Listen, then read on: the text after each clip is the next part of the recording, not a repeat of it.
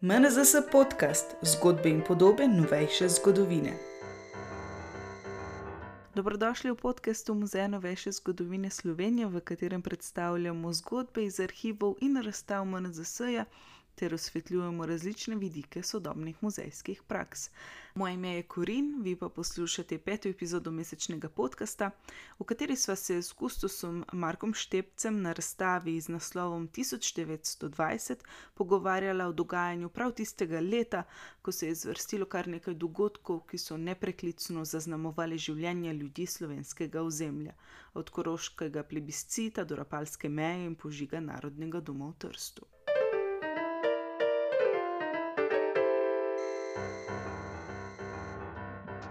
Lepo pozdravljen, Marko Štepec, kustos Muzeja novejše zgodovine Slovenije in avtor razstave 1920. Trenutno se nahajamo v prostorih, kjer je razstava na ogled. In pravzaprav sediva pod sliko zgodovinske mize v dvorani Ogledal v Versaju, za katero je bil podpisan mirovni sporozum med Nemčijo in antantnimi silami, torej ob koncu Prve svetovne vojne. Leta 1920, torej skoraj dve leti po koncu um, konflikta, kakšne so posledice in um, kakšno je bilo tedanje družbeno stanje. Celotno dogajanje v letu 20, za katerega vemo, da pač ob stoletnici, da, da je bilo izredno pisano in nabito z dogodki, je bilo seveda nekje v, v senci odpravljanja posledic Prve svetovne vojne. Ključen dogodek, eh, ne le za leto 20, ampak praktično za celotno 20. stoletje, je, je, je, je bil razpad monarhije in pa seveda posledice, ki jih vojna povzroči na eni strani državam, razpadajo cesarstva in pa seveda na drugi strani, v, ki jih vojna povzroči v smislu sprememb v vsakdanjem življenju prebivalcev, prebivalcev celotne Evrope. To pomeni, množica mobiliziranih vojakov na avstro-ogrskem področju, nekje prek sedem milijonov vojakov, eh, v celotnem evropskem prostoru nekje deset milijonov, deset milijonov mrtvih. In pa seveda to so te najbolj statistične številčne, šte, po številkah posledice, vemo pa seveda, da ljudje, ki se z vojne, po končani vojni vračajo, da so to večinoma psihično zlomljeni posamezniki, To so ljudje, ki izkusijo srečanje z množično smrtjo, življenje v strelskih jarkih, so traumatizirani, kjer pravzaprav si vsi želijo nekaj novega, drugačnega, neke spremembe. Ne, ne, pre, ne sprejemajo več starih hierarhij, ki so pred Prvo svetovno vojno samoumevne, na drugi strani pa seveda v, v, v življenje v strelskih jarkih seveda je oblikovano v militarističnih obrazcih, obrazcih eh, nekega novega vojaškega, nova, vojaškega tovarištva in tako naprej. Pri tem seveda v državah razpadajo gospodarske, socialne, socialne strukture, zgodijo se številne spremembe, kar naenkrat, na, na bom rekel, to množico moških, ki je, ki je mobilizirana na pomembnih funkcijah, nadomeščajo ženske, je voj, vojna neke vrste nenavadna vojna ne prinaša nič dobrega, ampak v tem smislu je neka nenavadna vzpodbuda pravzaprav emancipacijskim zahtevam, kar seveda na drugi strani spet povzroča grožno tradicionalnemu patriarhalnemu svetu. In vse to pravzaprav je, je vojna pravzaprav neke vrste koncentrat vseh teh sprememb, modernizacijskih, eh, modernizacijskih razočaranj in pričakovanj. In seveda, to je v glavnem ta podlaga, iz katerega pravzaprav potem šele lahko razumemo tako leto 1920 in pa seveda z tega lahko potem ne nazadnje razumemo tudi celotno 20. stoletje. Mi vemo, da Evropa v resnici po vojni ni več, eh, ni več ista. To pomeni, uh, To pomeni pričakovanja, da, da, je, da je to bila zadnja vojna, ki naj bi rešila vse probleme, da tega, ne, bilo, da tega ne bo več, se seveda, se seveda niso uresničila, niso uresničila eh, zahteve zmagovalcev in pa potem eh, organizacija sveta, ki se zgodi na podlagi mirovnih pogodb, ki pravzaprav neposredno vplivajo na dogodke v letu 1920, 1920 seveda povzročijo to, da pravzaprav v 20 letih svet pride, svet pride do nove vojne. Seveda tu, kjer se danes pogovarjava, govoriva o letu 20, torej govoriva na temu pragu nekje vstopa v novo, kjer so pravzaprav še vsa upanja in pričakovanja odprta, kjer množica ob navdušenju ob koncu vojne pravzaprav pričakuje, da bo boljše, na drugi strani se pa pravzaprav že kažejo tudi sence prihodnosti. Letnica 1920 zaznamuje seveda tudi vstop v tako imenovana Nora 20, um, ki so jih zaznamovala umetniška iskanja, izgubljene generacije, politične skrajnosti in družbene nestabilnosti in ki so v kolektivnem spominu ostala po plesih in jazzu v velemestih, v središčih, po poskusih ženske emancipacije um, in uh, težen po modernosti. Um, koliko se pa ta predstava sklada z dejanskim stanjem na slovenskem ozemlju? 20 leta z številnimi filmi, takoj pomislim seveda na, na, na, na velikega Gatsbyja in vse te stvari, ki jih, eh, bom rekel, popularna kultura eh, predstavlja, eksploatira in tako naprej.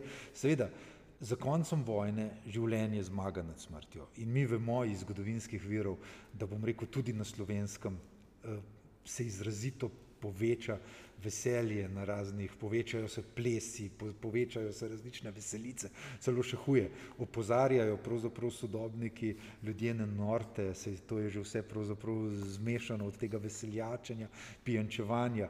Na drugi strani seveda je to povezano tudi s tem, da vojna marsikatero tradicionalno vrednoto vrže in pa seveda in smrt in razočaranja, ki jih vojna prinese, ker je vsem žalostna, je, je, se seveda rezultirajo tudi v tem, da, da da narast, na, na, na, da, na, na, da narast, narast pijančevanje. Ne. Mi vemo, da recimo, zdaj, če govorim to, da prvič se v, v raznih verjih, recimo v župnijskih kronikah, predvsem pisci svarijo pred tem norimi veselicami. Ne. In to, to se pravzaprav začne že v letu 18 in se potem stopnjuje okoli novoletnih praznovanj in potem okoli pustnih praznovanj.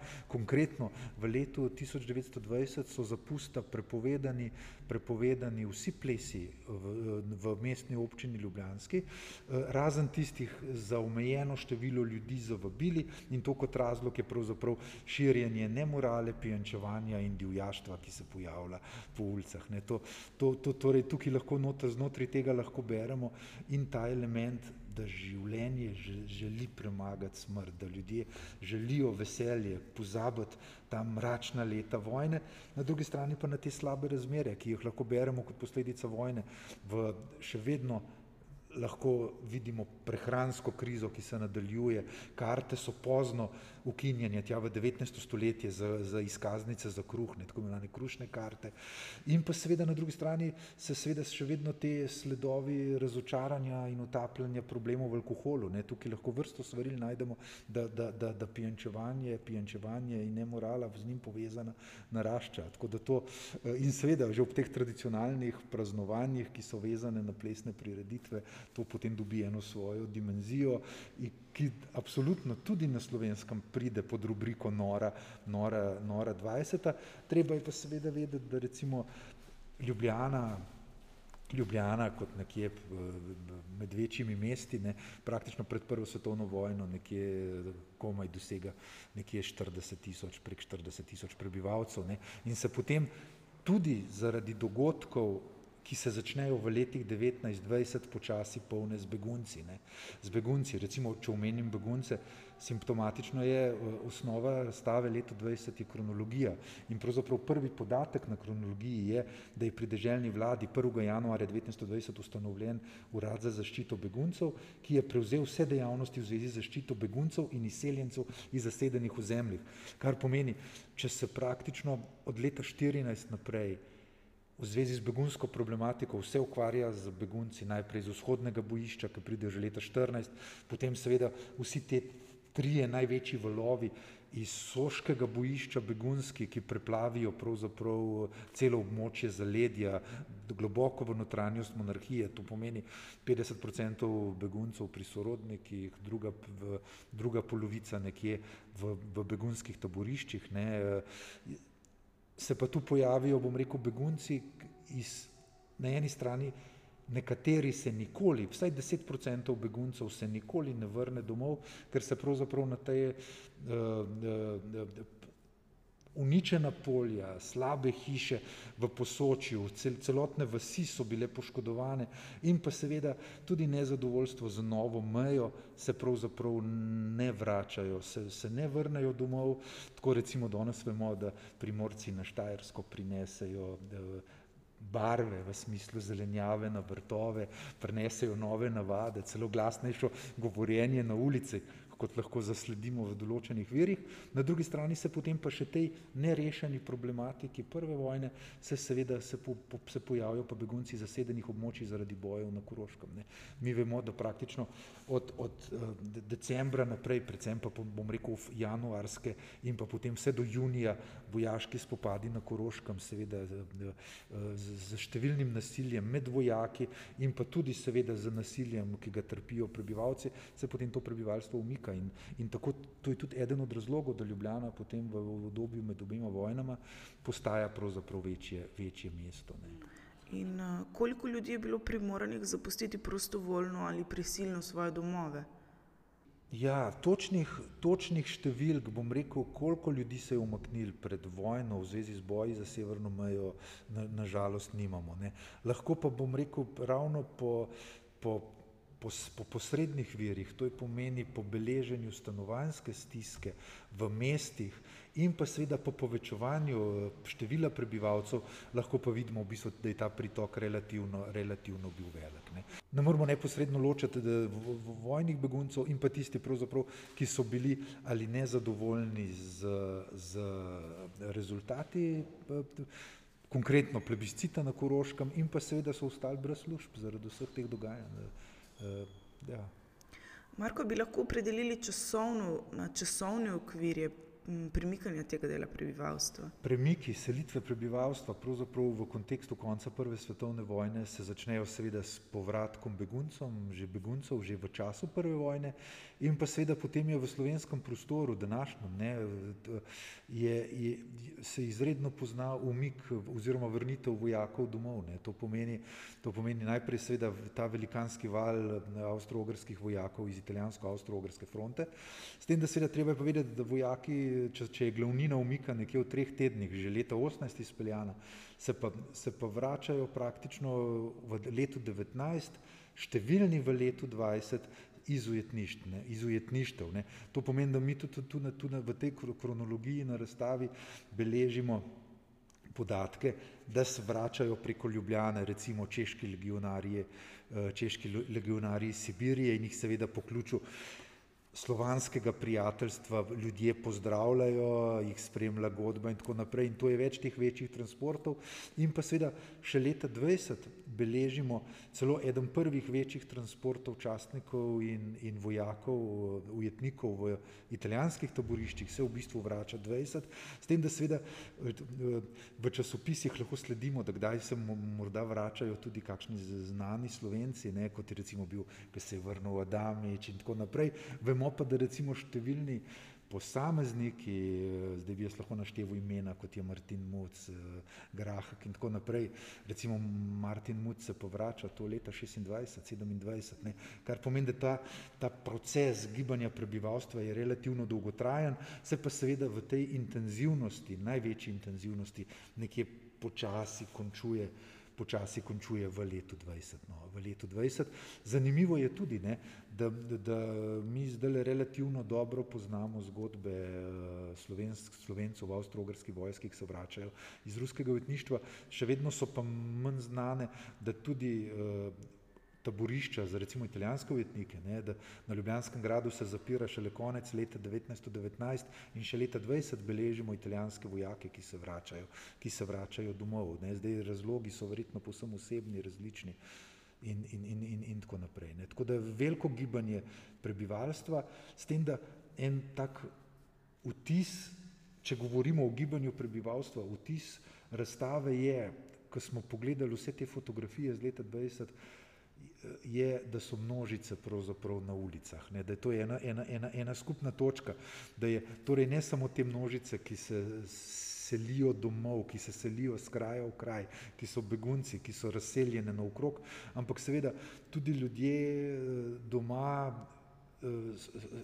so, so vse čas v nekih množicah ali množicah veselja, že takoj ob koncu vojne, seveda najprej zaradi konca vojne, potem pa seveda zaradi naraščajočega nezadovoljstva. Mi lahko vidimo, da tukaj se zelo hitro problemi vojne povežejo z novimi ekonomskimi problemi, kar seveda povzroči, kar seveda povzroči množične demonstracije, tudi v Ljubljani in drugih krajih. Ne. Zdaj, če navežem kar na to, leta eh, aprila 1920 se zgodi danes, bom rekel, dost pozabljen, takrat pa zelo vpliven, vpliven velik, velika stavka železničarjev, ki se poveže poveže tudi z rudarsko stavko v rudarskih krajih in seveda doživi svoj tragični vrh in razplet 24. aprila na Zaloški cesti v Ljubljani, kjer pride do streljanja, do streljanja na demonstrante in posledično do 14, do 14 mrtvih. Ne. Tudi to smo vključili na razstavo, bom rekel, v kontekstu teh velikih, žalostnih, tragičnih, pomembnih dogodkov, tudi zato, ker ima eno posebno mesto, ne nazadnje ta negativni vpliv konkretno tega dogodka, potem tudi na, na zaustritev propagande na Koroškem, ne, v tem primeru seveda proti SHS, SHS propagande, ki skrbno izkorišča vsa ta dogajanja in te probleme. Ne. In pa seveda množice, množice Mi smo se večkrat ukvarjali, bom rekel, samo z temi narodnimi prazniki in praznovanjem množice na kongresnem trgu v Ljubljani, v celju.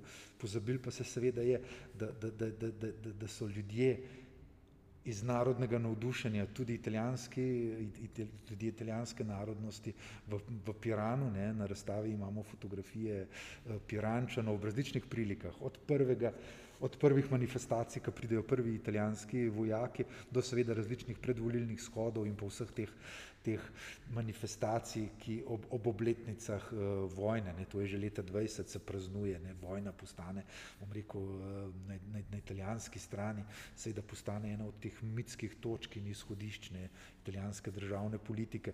In tu, tu je spet vse na ulicah. Ne. Na, na vse to seveda potem pridejo pa vsa ta razočaranja v zvezi z mejami napovedi, ki se pojavi ta strah med ljudmi, ki se je potem uresničil, da bo Primorska pripadla Itali Italiji, kar se potem zgodi 12. novembra z Rapalsko mejo. To praktično je, je, je, je več demonstracij, ne, tudi v Ljubljani, kjer ljudje tudi razobešajo žalne zastave uh, ob, ob tem dogodku. Ne. Uh, ja, in, in pa seveda v zvezi seveda s to mejno problematiko je pa praktično uh, ko junija 1919 nekje pride do te določitve demarkacijske črte, ki je potem na San-Žermensko državno pogodbo sprejeta odločitev o meji na Karavankah in po plebiscitu v celovški, v celovški kotlini, se seveda potem začne ta propagandno množičen boj, boj za meje. Ne? In to se, to se celo leto 20 vrstijo na obeh straneh Karavank na obeh straneh, bom rekel, demarkacijske črte, se vršijo pravzaprav kulturni dogodki, se, se, se, se, se dogajajo različne manifestacije, demonstracije in pa seveda vse to spremlja na eni strani zelo veliko kulture, veliko dogodkov, na, na drugi strani seveda se pa povečuje tudi hojskaštvo, nasilje, danes bi rekli sovražni govor in pa bom rekel, tudi v tem smislu prva vojna ni pozabljena, namreč vse ta propagandni naboj, ki se sproži med prvo vojno, sovražen, je potem seveda direkt gre naprej, takoj v te, v te boje za, za, za, za meje. Ne. Torej, v medvojnem času slovensko prebivalstvo zaživi v novih političnih oblikah. Velika večina se priključi tako imenovani kraljevini slovencev, hrvatov in srbov. Kako so pa ljudje spremljali dogajanje znotraj novo nastale države? Nova država seveda se najprej začne z to kratkotrajno državno tvorbo, država Slovencev, Hrvatov in Srbov, ki nekje uh, sledi pravzaprav tem trialističnim željam, s tem, da seveda avstro-ogrski okvir sam po sebi za razpadom monarhije je končan, uh, gre pa to za pač eno mesečno državno tvorbo, pomembno, kjer se pravzaprav pa, pa v ekstraktu začno vse, vsi razmisleki pravzaprav za prihodnost. 1. decembra je potem združena v kraljevino Srbo, Hrvatov in Slovencov in seveda zgodijo se številne, številne spremembe, se, se zgodijo. Prostor med Dunajem in Trstom ne, med železnico od Duna in Trst, ker naenkrat iz manj razvitih delov monarhije postane pravzaprav industrijsko bolj razvit del in seveda dogaja se potem vrsta sprememb, ki jih prinaša seveda sprememba državnega okvirja. Na prvem področju seveda najbolj na tem nivoju propagande praktično in tudi seveda zaradi vojne in tega negativnega odmeva vojne, praktično Avstro-Ogrska zelo hitro postane v javni propagandi ječa narodov, pozabi se vse na te skupne elemente življenja, življenja ki, so, ki, ki so bili v prvem valu, bom rekel, se tudi podirajo vsi simboli monarhije, spomeniki, ne, Franc Jožef je zamenjan, na, pred, na sod, v Ljubljani pred sodniško stavbo je Franc Jožef nadomeščen z Miklošičem ne, uh, in, in tako naprej, kar ima tudi to simbolno, ne, bom rekel, stara ječa narodov je zamenjanja pravzaprav z slavistom, ne, ker naenkrat narodna identiteta postane ti izključen element ne, in ugleden dunajski uh, Fran Miklošič, dr. Fran Miklošič jasno dobi potem to simbolno točko nadomešča in to gre seveda povsod, na drugi strani uh, po, po, celi, po, celi, po celi novi državi, slovenskem delu te nove države. Je, je, zanimivo je seveda to, da se potem zgodi pa vrsta teh sprememb. Ena teh sprememb je seveda slovenizacija šolstva na vseh nivojih. Ne. Potem po letu 1919 govorimo tudi o ustanovitvi prvič ne, univerze, kar je, kar je zelo pomemben dogodek. Na drugi strani gre pa za prilagajanje gospodarstva.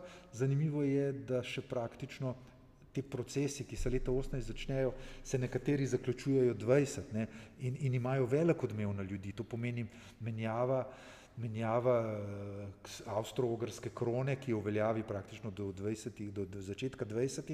Za, v razmerju 1 proti 4 za, za dinarje. Ne. Takrat recimo ljubljanski župan Uh, reče, da to poje smrtno pesem slovenskemu gospodarstvu. Ne. V resnici danes imamo, da sicer razvrednotenje avstro-ogrskega in pa potem nemško-avstrijskega denarja je bilo tako veliko, da je avstro-ogrska krona res precejšno vrednost izgubljala in da njena moč ni bila tako velika. Ne. Kljub temu je pa to že na neki simbolni ravni med ljudmi eh, izbujali nezadovoljstvo, vtis, bom rekel, da, da mogoče so malce, malce odrinjeni, kljub temu, da je eden od pomembnih treh konstitutivnih narodov. In to recimo tudi sproži eh, demonstracije, ne? množične demonstracije in, tako nap, in, in, in nezadovoljstvo. Ne? No, zanimivo ne? v zvezi z denarjem je, da ta proces se nekje v letu 20 končuje. Zanimivo je, da se na področju denarja država SHS, že država SHS, Slovencev, Hrvatov in Srbov, odloči za, za, za, žigosanje, za žigosanje bankovcev. Ne. Tako da v obtoku so seveda še vedno avstro-ogrski bankovci, ki jih poštni uradi, občinski uradi žigosajo, Eh, prihaja do ponarejanja, prihaja do različnega vrednotenja, bom rekel, samih kovancov. Veliko pomankanje kovancov že iz časa prve svetovne vojne, ampak zaradi pomankanja kovin ljudje kovance skrivajo in tako naprej.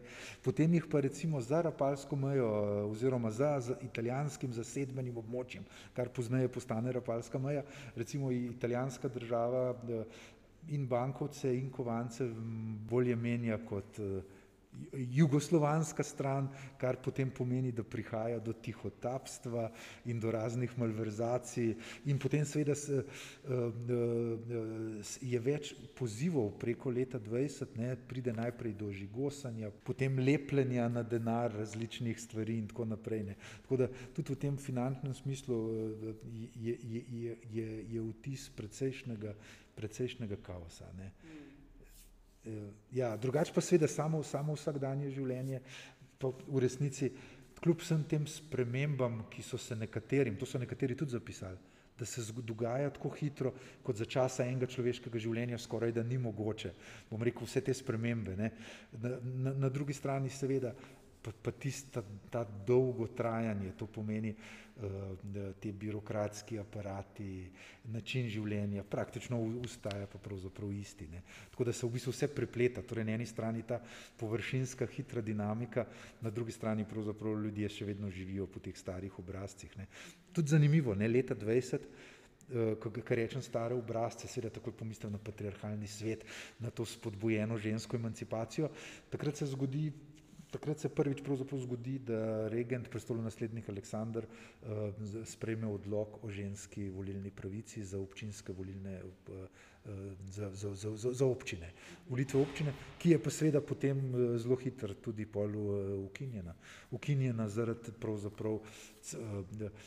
Zaradi celotnega območja nove države, kjer so pravzaprav ti patriarhalni stereotipi premočni. Ne. Je, pa, je pa na to odločitev sveda vplivalo to, da je ostalo veliko število vdov, ker so, ker so že med prvo svetovno vojno v slovenskem prostoru razmišljali, da če seveda sprevzemajo vse vloge in funkcije, da seveda si potem tudi to odločilno volilno vlogo prevzemajo. Ne.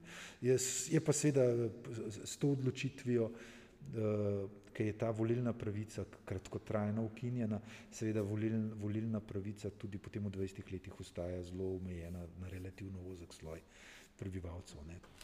Ženska, ženske ustanejo brez volilne pravice, se pa, seveda, se pa seveda volilna pravica glede na Avstro-Ogrsko, praktično posebej na tisto Avstro-Ogrsko volilno pravico pred letom 1910, se seveda razširi, tako da nekje tam pride po ocenah raziskovalcev nekje pride na prek nekje 30% prebivalstva. Ne. Ker recimo v, v, v tem uh, raz, razrednem oziroma kurijalnem sistemu volilnih eh, razredov, kjer je prebivalstvo razdeljeno na vele posest in pol leto 1910 splošni, splošni razred, eh, praktično tam, tam, tam volilna pravica ne dosega 20% prebivalstva. S tem, da je zanimivo, ne, da tudi v Avstro-Ogrski imajo ženske volilno pravico, ki je pa vezana, seveda vstop v volilni razred je vezan na plačilo davkov, na cenzus, koliko ti plačuješ in ukolikor je, je, je, je, je, je, je volivka bila lastnica premoženja, da je podedvala, je seveda tudi ona imela pravico uh, volitve, ampak na volišče je njen glas prinesel po moški tako da je fizično. Imela je pa pravico, kar pomeni, da je mal, ne, eh, ja, v njenem imenu se je, je, glaso, je nekdo, je kdo glasoval, imela pa je volilno pravico, ker je bila vezana na, na plačilo davka na cenzus. Ne. Pa se pogoj plačevanja davkov za dostop do volilne pravice ohrani tudi po letu 1920. Ne, v, v, v, v, v, v 20. v resnici se počasi volilna pravica s to omejitvijo, ki sem jo omenil, spremenja v splošno. Je to velika sprememba? Je, je, je. Še, še, še vedno po današnjih standardih, kako razumemo pravzaprav demokracijo, enakost, tajnost, splošnost in tako naprej, seveda še, še vedno, še vedno eh, ne participira pri odločilnih odločanju tako število ljudi, no, da bi to ne. Je, je pa seveda, če govorimo o obdobju med obema vojnama, ne pa sploh so seveda v, vloge žensk bile zelo pomembne. Tudi tud moram reči, ne, ne le v tem obdobju, lahko tudi pravzaprav iščemo, pa recimo podjetnica Evgenija Hribar, ne, praktično že v, v času Avstro-Ogrske v resnici neformalno vodila vsa družinska, vsa družinska podjetja, te pravzaprav ene najpomembnejših govorim v gospodarskem pomenu družin. Ne. Kar pomeni, da tukaj, tukaj je to bolj problem pogleda zgodovinopisja, potem, ki pač dela te selekcije in tako naprej. Ne. Sicer pa mi najdemo uh, številne pomembne, vplivne uh, kreatorke, uh, ženske, kreatorke na življenja na vseh področjih družbenega, socialnega, gospodarskega, političnega življenja. Ne, zdaj, en tak najbolj viden vstop verjetno je ravno s, s prvo vojno, bom rekel, okrog deklaracijskega gibanja, ne, ki, je, ki ni brez, brez zveze s tem, da to deklaracijsko gibanje kot politično, mirovno in tako naprej narodno gibanje daje v resnici legitimnost temu, kar se potem zgodi z novo državo leta 18, to pomeni, da sploh nastane, ne, ker volitev seveda takrat leta 18. oktobra ni, ni ne, volitev ni, to je, to je pravzaprav dogovor med političnimi na podlagi volitev pred vojno, kdo, kdo bo vladal in tako naprej. Ampak tista legitimno, legitimnost temu daje pa pravzaprav teh prek 200 tisoč podpisov ne, po raziskavah dr. Vlasta Stavbar, uh, kjer, kjer so pa v bistvu kreatorke iz, izrazito ženske v zaledju, ki podpise zbirajo, uh, govorimo o deklaracijskem gibanju, ne, podpise zbirajo in potem seveda te podpise množično predajo in tam izstopijo potem, bom rekel, imena, kot je, kot je Cilka Krek, Franja Tavčar, ne, to kot glavne nosilke, ne, kljub temu, da je govornik še vedno, še vedno uh, pri tej podelitvi je moški, ne, uh, je govornik, ampak v resnici je pa cela, celo to mirovno, kar posebej poudarjam, gibanje, pravzaprav tudi žensko gibanje. Ne. In pol, in pol seveda to, to potem vse preko, vse do Angele Vode in tako naprej, ne bi lahko potem na, naštevo teh nosilke, kjer pride izrazito do, do, do, do, do neke, tudi direktno do gibanja za ženske pravice, ne, na podlagi, eh, bom rekel, iz 19. stoletja, ne, predhodnic in tako naprej. Ne, postaja vedno močnejše no, v, obdobju med obima vojnama. Ja. Marko, kot si že prej omenil, se v dotičnem obdobju občutki pričakovanja prepletajo s sencami razočaranja. Kje pa to najbolj razvidno? Senca razočaranja je ena od teh točk, seveda, ki, ki je tudi letos bila zelo javno prisotna. Bom rekel, pravzaprav iz, iz dobrega dogodka, ne, vrnitev narodnega doma, vrnitev slovenskega narodnega doma v Trstu v, v, nazaj v, v roke ne, pravim upravljavcem. Ne, v, je, 13. julij 1920, požig narodnega doma, je eno od teh, bom rekel, udarcev, ne, na eni strani udarec nad, nad, nad, nad tržaško multikulturo, ki jo izvedejo nacionalistični skrajneži, ne, ne, In, in pa seveda v, v celotnem kontekstu teh naraščajočih nacionalnih spopadov, ne dogodki v Splitu, kjer pride do spopadov med demonstranti, italijanskimi, uh, italijanskimi hrvaškimi, tudi pride do smrtnih žrtev ne, v tem splitskem primeru in potem kot odmev tega, kot odmev tega se potem zgodi ta zbor uh, skrajnežev, uh, Giuseppe Gionta, italijanski fašisti je, je organizator in seveda potem pride do požiga tega Fabijanijevega doma. Ne. Tukaj morda beseda nujno o Fabijaniju, ker ima, ne, ne, vsi, vsi poznamo te, te, te, bom rekel, Fabijanija kot arhitekta te zgodbe, ampak zanimivo je to, da če razložimo ta pomen Fabijanija, to pomeni hiša pred prvo vojno odprta, izrazito sodobno, Eh, sodobno koncipirana, večfunkcijska, kjer je noter eh, hotel, hotel Balkan, v hiši je kavarna, je vrsta, vrsta pisarn za različna društva, za različna društva slovenska, eh, je, je, je dvorana za prireditve, gledališče, kino, predstave, stanovanja, odvetniške pisarne in seveda ta odraža pravzaprav moč moč eh, slovenskega meščanstva v Trstu, nekje, ki narašča nekje od preloma stoletij in pa seveda odraža to multikulturnost. Ne, tudi Fabijani, ki je to načrtoval, ni, je, je recimo povabil uh, secesionista uh, Kolomana Mozarja, oglednega, ne,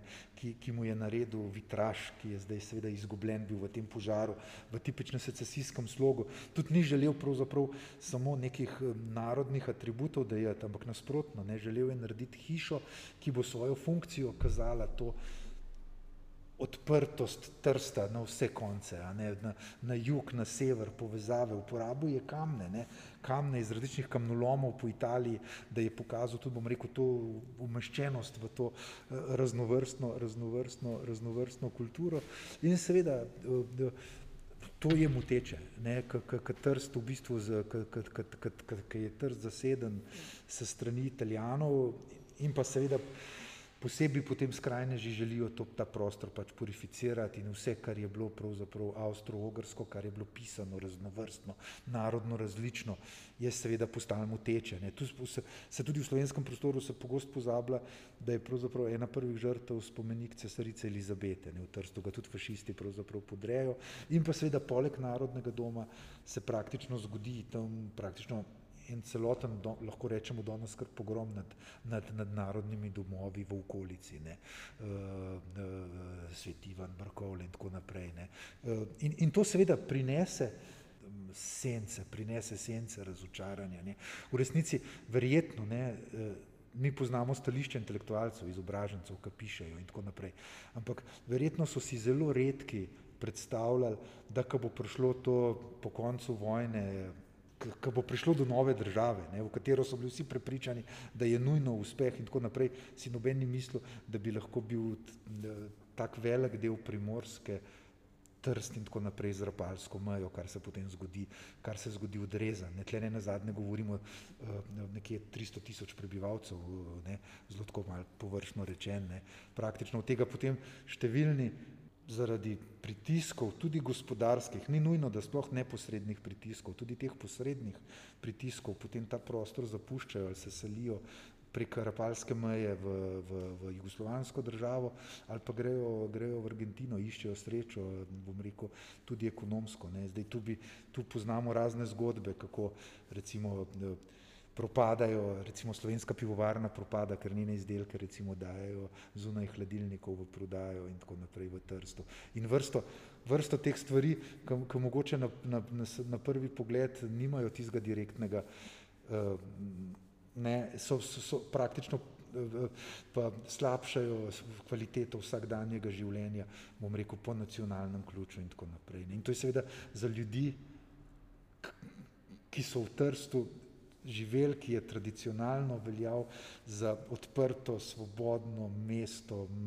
Ne, praktično Slovenci obravnavajo Trst kot največje slovensko mesto, čeprav se je italijanska večina velikanska, ampak v resnici je po številu tistih prek 50 tisoč, 57 tisoč Slovencev, ne, praktično Ljubljana ima uh, takrat 40 tisoč prebivalcev. Ne. V tem smislu je, je, je, je, je izredno pomemben, razmišlja se o univerzi tam in tako naprej. In potem seveda ima to izredno slab odmev tudi tudi preko uh, italijanske zasedbene cone. Ne. Tukaj tudi v Ljubljani pride demonstraciji, veleposlanik italijanski zapusti, zapusti, zapusti Ljubljano ne. In, in, in, in to daje te senčne tone temu, če so prej omenila ta optimizem, nora 20, veselje, pričakovanja, to so te senčni toni. Ne. Zanimivo, ne? mesec, sla, niti ne mesec, ne? 26. junija 1920 prvič uradno, podarjam uradno, ker se preko Ljubljane pelje že prej in ga tudi takrat že v bistvu v ožjem krogu sprejmajo, pride v Ljubljano prestolonaslednik Aleksandr. Ne? In to je ena taka množična, bom rekel, vrsta manifestacij po vseh krajev, ne v Ljubljani ga sprejme župan Ivan Tavčar s kruhom in soljo, ne s slovanskim običajem. In potem seveda tudi kralj s, zelo spretno, bom rekel, z velikim spoštovanjem potem pravzaprav upošteva vse te ključne, te slovenske nacionalne simbole. To pomeni, da prvo, kar naredi pokloni, lovo rovenček postrebren, pred Prešernov spomenik, to, to je ta znana fotografija, kjer je množica ga sprejme, cvetje leti povsod, po tleh je cvetje. In potem seveda imenuje uh, uh, planinski polk, bivši gorski strelski polk, uh, preimenuje v Triglavski polk, ne, podeli, bom rekel, vrsto uglednim ljudem, uh, podeli najvišja, najvišja priznanja eh, crkvenim predstavnikom ne, in potem 28. Eh, junija je potem tudi v Mariboru, ne, ti smo še poseben simbolno točko, ne, moramo vedeti, da praktično nemške napise v Mariboru v, resnici šele v letu 20, tam februarja 20, menjajo s slovenskimi. Ne. In pa kar je pa zelo zanimivo, ne, to je prvi obisk in seveda so takrat politiki in pa um, javno mnenje, časopisi, seveda so se zavedali, da bo, da bo velika pozornost na ta obisk tudi z velikih medijev v Beogradu. Ne? In pol seveda je, je zelo zanimivo spremljati te časopise v obisku, kaj vse pravzaprav pričakujejo od kralja in kaj skušajo, da bi kralj oziroma prestolo naslednike, on takrat še vedno, ne, kaj pričakujejo, da bi pri kateri problematiki lahko pomagal. Ne. Zato takrat časopisi pravzaprav so polni zapisov, pričakovanj glede meja, kaj narediti s Koroško, kaj se dogaja z italijansko mejo. Hočem reči, kaj v socialnem smislu, kaj, kaj bi bilo potrebno narediti in tako naprej, eh, ker, ker pač pričakujejo, da bo pozornost usmerjena in da bi to imeli pol večji odmev te, te neke zahteve. Ne. Ne, Mar si kdo bi celo lahko, uh, bom rekel, malce zlobno komentiral, da pač uh, ljudje, ki mečejo še ne tako davno nazaj rožce, cesarijo, neke nove, neke stare države, zdaj bom rekel isti ljudje. Kar, kar seveda tudi deloma drži, ne bom rekel, tudi ne, v, v tem duhu. Recimo, leta 20 umre Sveto Zdrborojevič, plemeniti bojna, ne, to pomeni poveljnik Soške armade, ključna oseba, ki, ki mu župan Ivan Tavčar v, v času vojne podeli častno meščanstvo, podeli iz razumljivih razlogov, pač Borojevič eh, pač prepreči, da bi bojna črta padla in seveda zaščiti slovensko zaledje. To je bila glavna argumentacija, zakaj to dobi. Seveda, to mu potem po vojni, mu to ista oseba, župan, mu to častno meščanstvo oduzame, ker je pač Borojevič v tem medumestnem obdobju postal simbol osovražene ječe narodov, ne, s tem, kot se svojo prisego cesarju, ki jo ne popusti ne, in, in v, v času umika tam novembra, uh, novembra iz reke Pijave, ne, uh, celo zagrozi narodni vladi takratni, da če mu ne bo zagotovila, ne bo, ne bo zagotovila kontrole nad telegrafom in telekomunikacijami, da jih bo dal aretirati. Ne.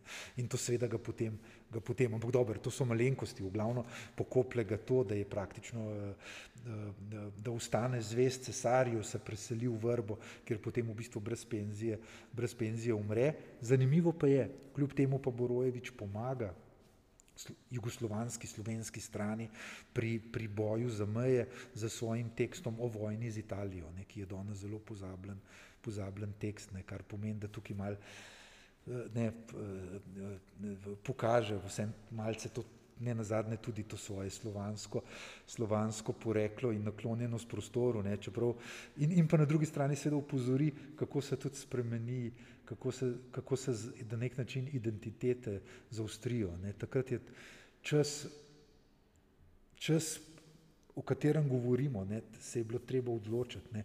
Takrat ne tako davno nazaj so številni prebivalci še vedno lahko razmišljali, da so krajci, da so štajerci. Ne? In seveda tudi za Borojeviča ni bilo nič nenavadno, da je pravzaprav bil bolj kot ne narodno slep ne? in da je njegova identiteta bila pač Habsburška monarhija kot večnarodna monarhija vseh narodov. Na to pozabljamo. Ne? Tu se pa potem, tu se pa potem zaustri, tu se je bilo pa potrebno odločiti. Tudi ljudje, ki se niso želeli. Ne? Ne? Zanimivo je, da tudi vsi ti boji, ki se ki so se leta 19 dogajali in potem dobivajo na mirovnih konferencah svoje zaključke. Ne. Te boji se v bistvu dogajajo v imenu narodne samoodločbe. Ne. Narodna samoodločba, Wilsonove točke, ne, ki Wilson je od leta 18 praktično legenda, ki bo pomagal razrešiti malim narodom ali pa narodom vse te njihove zahteve. Ne, ne, ne, in, in recimo ljudje, konkretno zdaj imamo v mislih eh, Alfreda Lauriča, poveljnika, koroškega poveljnika v bojih za severno mejo, ki zasede Borovle in tako naprej, on direktno utemelji ne, narodna samoodločba kot načelo sodobnosti, kot načelo 20. stoletja. Prej je veljalo načelo legitimnosti, ne, ki ga potegne prek Machiavellija do Franca Jožefa, danes mi živimo eh, od načelu samoodločbe, ki ga beremo od Rusoja prek Macinija, ne, nasprotnega italijanskega Macinija do Wilsona. Ne, in to je ta razlog, da mi pravzaprav tukaj zdaj eh, eh, želimo neko pravico narodno in tako naprej. Ne. In to, to, to je bil duh časa. Ne. Je, ima pa seveda korenine v jasno v, v 19. stoletju, v tem politično-narodnih gibanjih, ne, kjer, kjer, kjer pravzaprav eh, narodno vprašanje postaja osrednji del politike, pravzaprav političnih bojev, ne posebej v večnarodni monarhiji. Ne, eh, v večnarodni monarhiji. No, tukaj je zanimivo, ker ta aspekt pogosto pozabimo, kaj ne. Pa gre za resnično točko preloma, kjer se spreminja koncept identitete in mentalitete ljudi. Marko, prej si omenil pričakovanja in razočaranje. Mm, koroški plebiscit, ki se je zgodil v tistem letu, tudi spada pod to kategorijo, kaj ne? Kaj se je zgodilo pri tem vprašanju? Zgodba o plebiscitu, bom rekel, je izredno zanimiva izkušnja, je že samo branje časopisov. Preko naslovnic, niti ni potrebno. Naslovnice časopisov skozi leto 20, od 19 do 20, je, je ena izrazita dinamika v smislu, da praktično slovenska SHS stran praktično skoraj ne more, da skoraj ne more izgubiti. Vera v Wilsona, neomejena, gre pravzaprav samo kako to eh, izvedbo te eh, zmage pravzaprav narediti, kako izdelati neko strategijo. Ampak v resnici zelo malo pravzaprav eh, zelo velika vera v to, da je pravzaprav zmaga že, že za, za, za, za, za, da bo Koroška za novo, za novo državo. Potem se pravzaprav pa, ko se zgodi to razočaranje, ko so objavljeni rezultati, kjer pravzaprav 51 proti 49 odstotkov, tam nekje 39 eh, tisoč voljivcev ne, v, v odloča, odležba je zelo visoka, praktično 25 odstotkov ljudi pride, v, pride volt in tudi številni Slovenci pravzaprav med temi voljivci, ki se odločijo za Avstrijo. Ne, za, za Avstrijo uh, so tudi Slovenci, ne, tudi, tudi Slovenci. In potem seveda se s časopisi boleče takoj vprašajo, takoj se vprašajo, najprej seveda to je prevara, to je volilna prevara, celo pokličajo vojsko, da pride na pomoč, da, da to, to ne moremo priznati. Potem seveda je takoj nenavadno tako iskanje krivcev, kdo je kriv, takoj obračun med seboj, kdo je kriv? In potem seveda tisto velikansko razočaranje, ki se po, k, iz Pariza pride, da mora seveda vojska zapustiti uh, območje, da je odločitev dokončna. In, in potem seveda to boleče iskanje, boleče iskanje krivcev in pa potem takoj nadaljevanje v, bomo rekel, političen spopad. Ne. To seveda izhodišče tega spopada so potem seveda novembra volitve v stavodajno skupščino, ker potem tako izgleda, da je potem ta poraz na nek način zelo hitro pozabljen oziroma takoj dobi novo kvaliteto političnega, političnega boja in obračuna. Tako da to je en tak in, in znotraj tega bom rekel, lahko prepoznavamo nekje tudi malo masovno psihologijo, pa tudi malo človeško reakcijo, kako, kako, reagir, kako, kako pravzaprav reagira na takšne dogodke. In potem seveda to sproži, da ko 6. novembra 20 delegacija gre na, na pogajanja v Rapalo, seveda tega pričakovanja, navdušenja ne, tega ni več, je pesimizem je absoluten pesimizem. In potem, seveda, k 12. novembra, oziroma nekaj dni potem, se tudi to v časopisih objavi, da je rapalska pogodba podpisana, da je izgubljena Istra in vso to vzemlje. Seveda, to je velikansko razočaranje za, za, za, za, javno mnenje. In pa seveda, dolgo časa je potem bilo potreben da se je potem lahko zgodila neka resna refleksija. Ne. Prvi seveda je bil, je bil v zvezi s Koroško v časopisih že zapis generala Rudolfa Majstra, ne, ki je pravzaprav tudi zapis, ki je nekje potem tudi v nadaljevanju izgrajeval njegov mit ne, in tako naprej. On je rekel, ena ofenziva v, v, v pravem času, v tistih dneh, ki sploh ne bi zahtevala velik smrtnih žrtev in tako naprej. Žrtev bi pravzaprav naredila več, kot mi zdaj lahko sto let se pravzaprav prepiramo, borimo, žalujemo in, go, in, in, in, in delujemo naprej. Ne, in to pa seveda jasno, kle se pa naredi mit in tako naprej. K, na razstavi je tudi propaganda. Ne imamo dva okvira propagande, res tisti izborček, najmanjši možen, kolikor ga prostor omogoča, ki pa pove tisto bistvo. Ne. Govorimo o razglednicah Maksima Gasparija ne. in ko pozorno recimo pogledamo propagando, vidimo, da se ta propaganda skoraj da ne ukvarja z resničnimi problemi življenja ljudi. Da ta, ta propaganda gradi na, gradi na, na identiteti, gradi, gradi na premagovanju narodnih sovražnikov, na definiciji narodnih sovražnikov, v tem primeru nemškutarjev.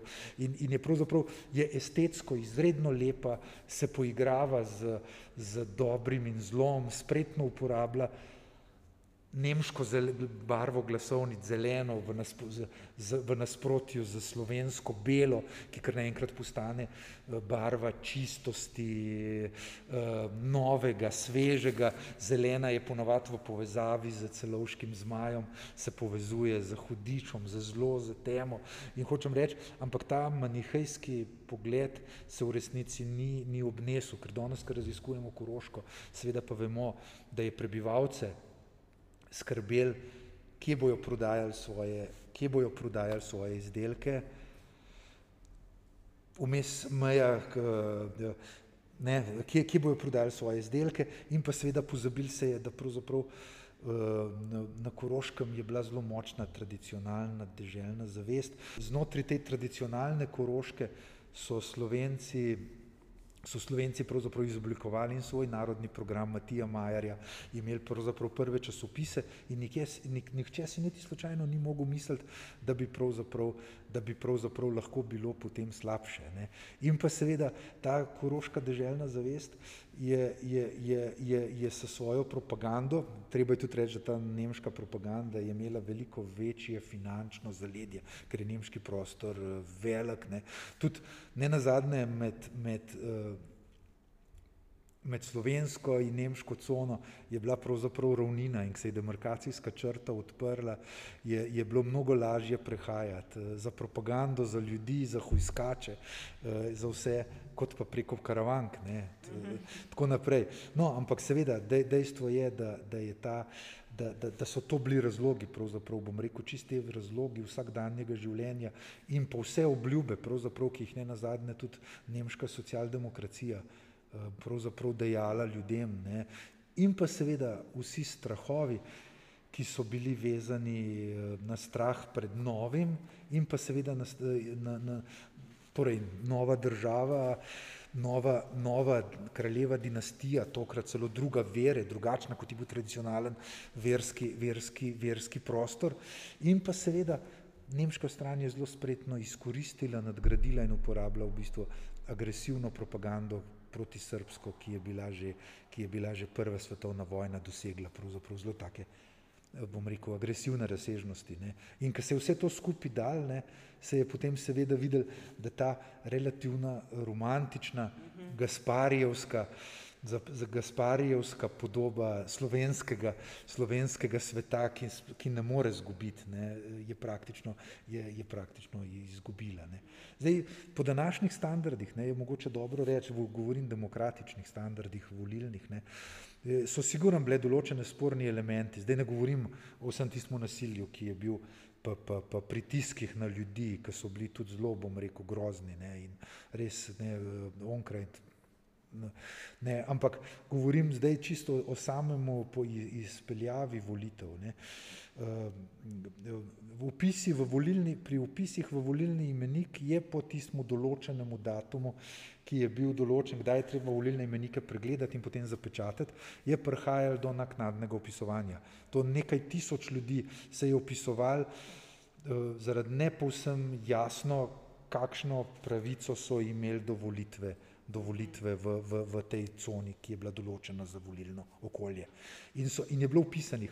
Ampak seveda resna raziskava potem je pa tudi eh, potrdila, da, da, da to število ljudi eh, ne bi spremenil končnega, končnega rezultata, kar pomeni, da ni bilo odločilno, kljub temu, da je pa, dal, je pa, ravno, je pa ravno način upisal volilne imenike, pol vse čas uh, uh, pri tej refleksiji preteklosti pravzaprav je metu me, me neko senco, pa nek sum, nek sum prevar.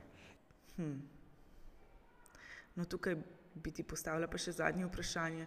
Pri postavitvi te razstave, eh, spomnimo, ki je na ogled do 20. oktobra, kaj te je v bistvu najbolj pritegnilo, kaj te je najbolj zanimalo?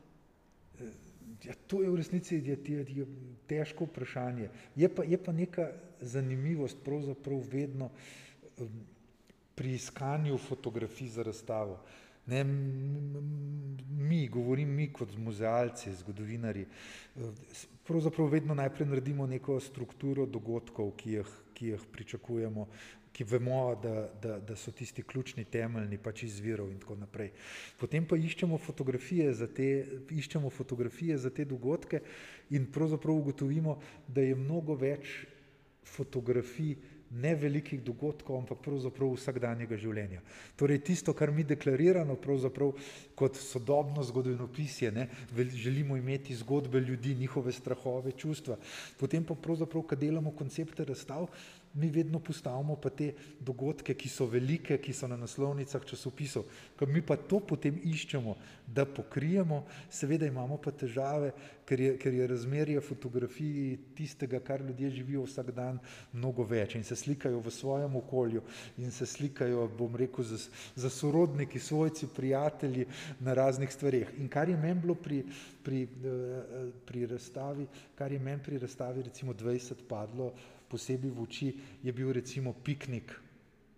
Piknik eh, sta oče in sin, piknik ob topovih eh, na istrski, na istrski obali, kjer pravzaprav na nek način, na nek način veliko pove, torej vsa, vsta ostank vojne, dobesedno senca vojne. Ona dva se, oče s slamnikom sedita v senci, v senci topov, očitno gre pa za, za, očitno gre pa za pomladni dan, tako kot jih danes skušamo izkoristiti.